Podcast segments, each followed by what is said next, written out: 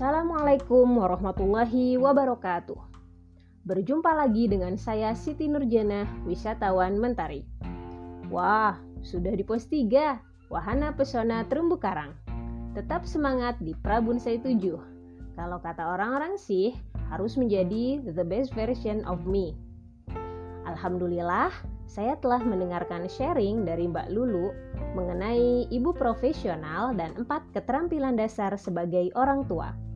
Keterampilan yang harus dimiliki agar bisa menjadi orang tua beneran yang baik beneran. Bukan cuma sekedar get married, hamil, melahirkan, membesarkan anak. Namun, orang tua yang bisa membersamai pertumbuhan dan pendidikan anak. Setelah pekan lalu di pos 2, saya ditantang untuk menemukan harta karun. Ternyata saya menemukan strong way cantik yang saya miliki untuk mengikuti kelas bonsai 7. Nah, di pos 3 ini saya kembali ditantang untuk mencoba membuat target capaian belajar yang ingin saya capai di kelas bonsai 7. Oke, inilah target pencapaian saya. Yang pertama, saya ingin menyelesaikan tantangan yang saya dapat di awal waktu. Saat kita ingin orang lain berubah, maka yang pertama harus dirubah adalah diri sendiri. Dari sini, saya mencoba menjadi pribadi yang tidak menunda-nunda pekerjaan yang saya miliki. Yang kedua, memiliki catatan mengenai tumbuh kembang anak, supaya saya benar-benar sadar bahwa saya adalah ibu dari anak-anak saya sehingga saya bisa mengevaluasi diri tentang bagaimana saya membersamai anak-anak saya. Yang ketiga, dapat menjadi teman yang baik saat bermain bersama anak-anak minimal satu jam setiap hari. Entah itu bermain dengan permainan anak-anak dan juga menjadi teman curhat mengenai kehidupan sekolah dan kehidupan serta masalah keseharian mereka. Baiklah, Semoga misi pos 3 ini bisa menjadi pengingat bagi saya untuk bisa konsisten menjalani kelas bonsai 7. Terima kasih. Wassalamualaikum warahmatullahi wabarakatuh.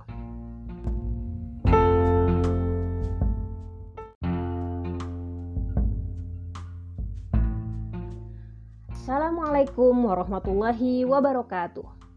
Berjumpa lagi dengan saya Siti Nurjana, wisatawan Mentari. Wah, sudah di pos 3, Wahana Pesona Terumbu Karang.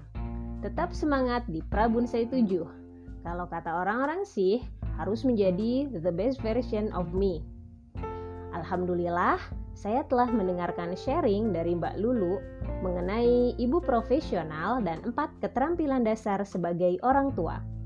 Keterampilan yang harus dimiliki agar bisa menjadi orang tua beneran yang baik beneran bukan cuma sekedar get married, hamil, melahirkan, membesarkan anak.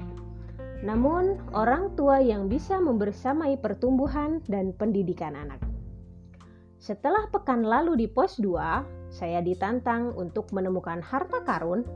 Ternyata saya menemukan strong way cantik yang saya miliki untuk mengikuti kelas bonsai 7.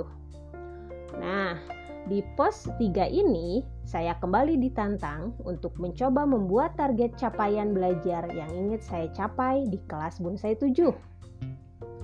Oke, inilah target pencapaian saya. Yang pertama, saya ingin menyelesaikan tantangan yang saya dapat di awal waktu. Saat kita ingin orang lain berubah, maka yang pertama harus dirubah adalah diri sendiri. Dari sini, saya mencoba menjadi pribadi yang tidak menunda-nunda pekerjaan yang saya miliki. Yang kedua, memiliki catatan mengenai tumbuh kembang anak, supaya saya benar-benar sadar bahwa saya adalah ibu dari anak-anak saya, sehingga saya bisa mengevaluasi diri tentang bagaimana saya membersamai anak-anak saya.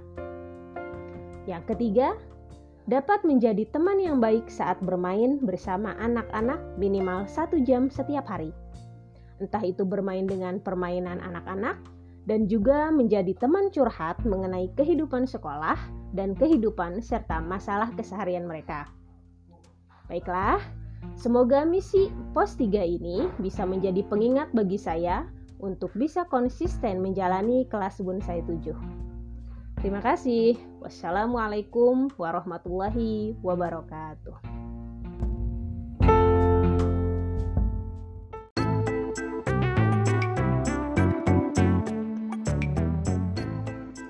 Assalamualaikum warahmatullahi wabarakatuh. Welcome back with me Siti Nurjana di Prabunsai 7 Institut Ibu Profesional. Apa kabar semuanya? Mudah-mudahan kita semua dalam keadaan sehat walafiat dan selalu semangat di setiap kegiatan kita.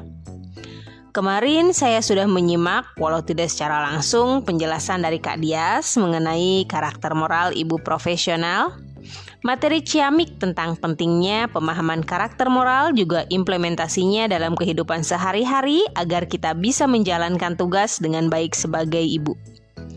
Baiklah, setelah kemarin kita berjalan melewati pos 1, pos 2, dan pos 3, kini kita sudah sampai di pos 4 untuk pengambilan souvenir souvenir yang tentu akan kita temukan dalam diri kita masing-masing agar kita siap dan memiliki bekal untuk menempuh kelas Bunda Sayang 7. Dan kali ini saya diajak untuk menganalisis bagaimana mengenali tantangan dalam capaian belajar di Saya 7 dan menentukan karakter apa yang dapat membantu dalam menghadapi tantangan tersebut. Oke, di sini saya sedikit sharing mengenai tantangan besar yang ada dalam diri saya, yaitu saya masih belum baik dalam memanage waktu, sehingga terkadang beberapa pekerjaan tidak sampai tenggat waktunya, dan ada pula pekerjaan yang terkadang asal mengerjakannya. Dan ada pun karakter yang dapat membantu saya untuk menghadapi tantangan tersebut, yaitu membuat jadwal kegiatan harian sedetail mungkin agar saya dapat menghandle semua pekerjaan sebaik-baiknya. Juga tak lupa memasang jadwal tersebut di tempat yang mudah saya jangkau dan juga mudah saya lihat. Oke, demikian sedikit sharing dari saya. Sampai jumpa di kesempatan berikutnya. Bye. Wassalamualaikum warahmatullahi wabarakatuh.